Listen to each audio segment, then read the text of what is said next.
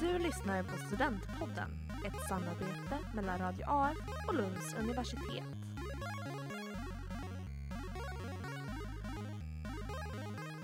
Hej och välkomna till Lunds universitets Studentpodden. Mitt namn är Johanna Molin och idag ska vi prata om utbytesstudier och praktik. Med oss idag har vi Nanna och Karin. Hej!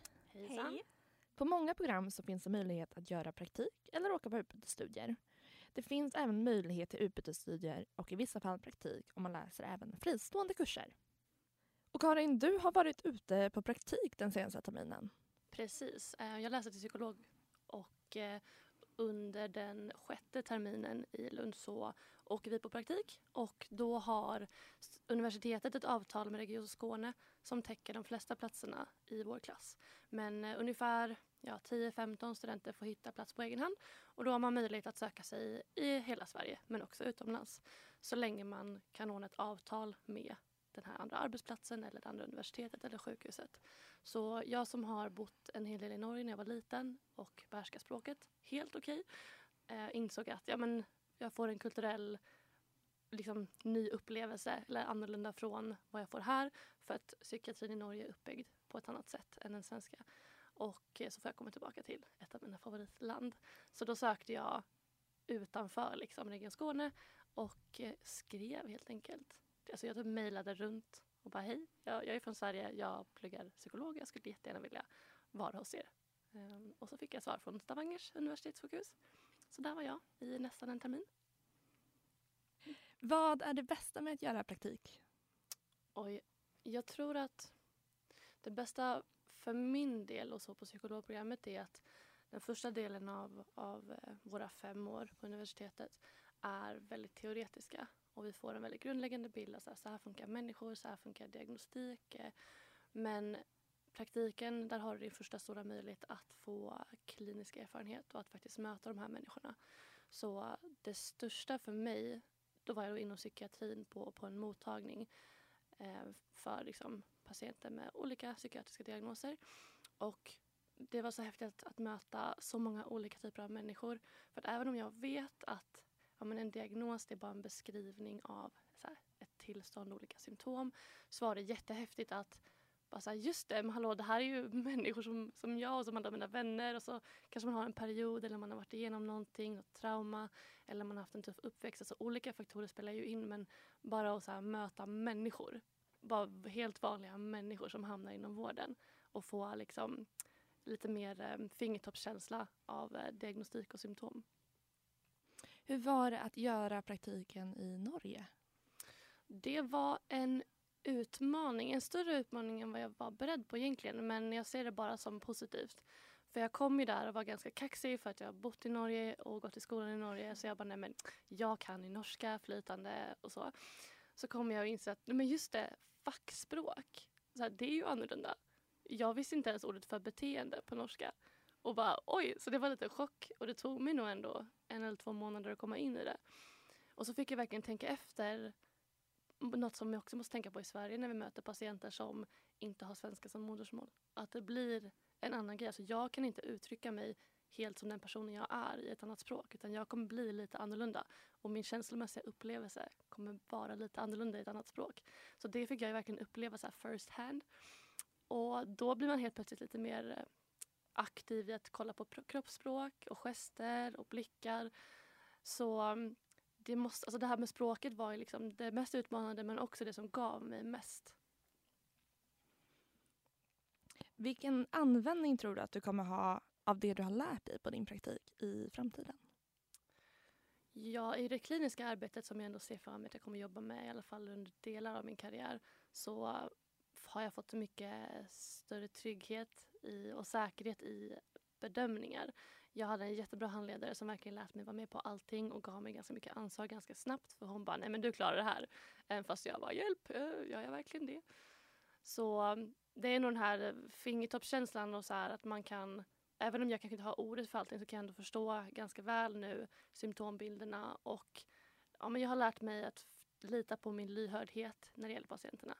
Så det kommer jag alltid ta med mig. Det och min handledares feedback.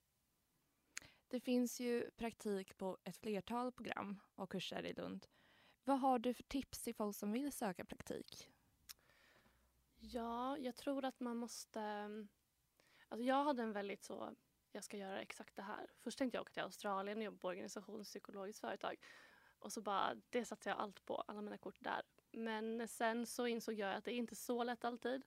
Vissa, alltså så, vissa program har lättare än andra. Psykologerna, vi är ganska bundna till men exakt det här behöver du göra och vi behöver liksom få de här beskeden från det stället du har praktik på.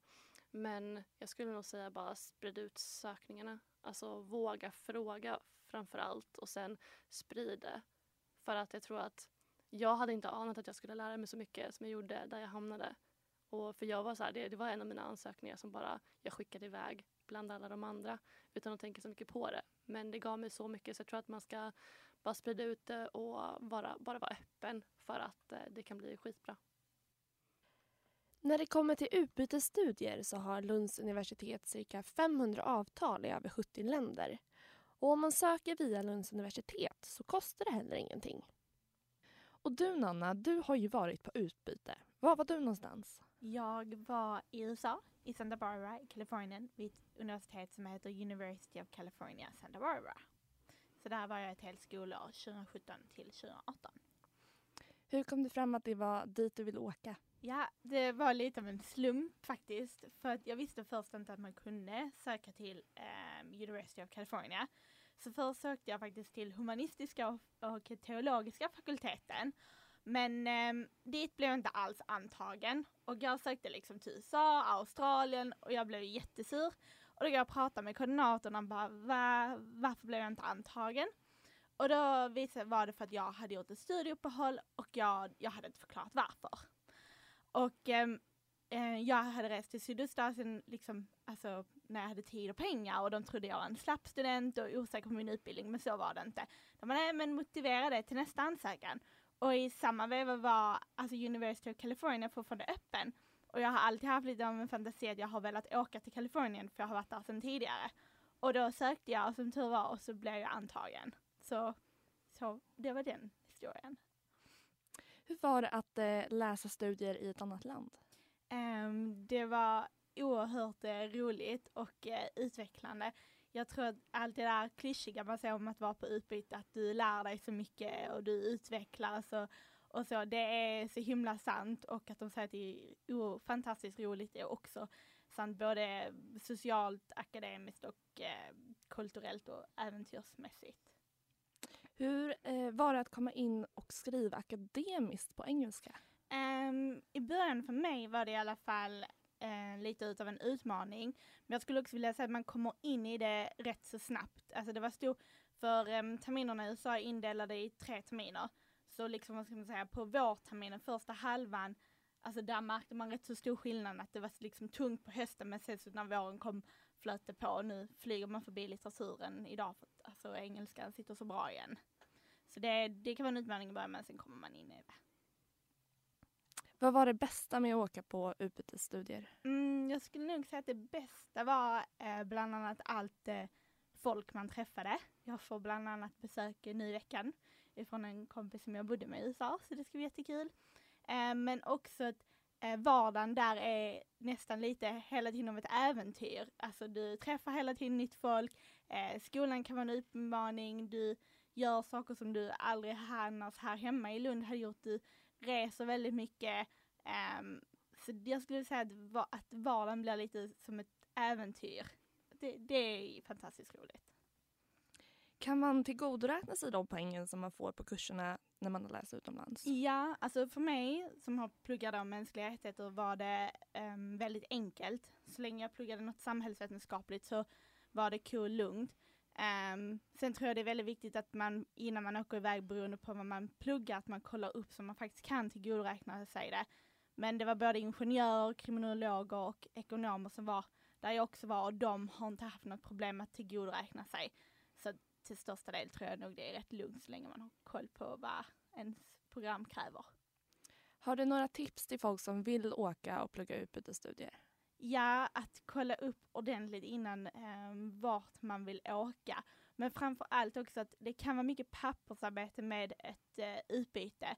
Men jag vill säga att allt det pappersarbete och allt det jobb innan är så värt det. Och allt det negativa som man kanske har innan eller efter, det blir man så tacksam för efteråt. För att allt det negativa i slutändan blir något positivt för man lär sig så otroligt mycket av det. Um, så att man, att stå ut med det, med det tråkiga för det roliga kommer och du får din belöning sen när du är iväg. Tack så mycket för att ni ville komma hit och dela med er av era erfarenheter. Tack, Tack för att själv. komma. Du har lyssnat på Studentpodden. Ett samarbete mellan Radio AF och Lunds universitet.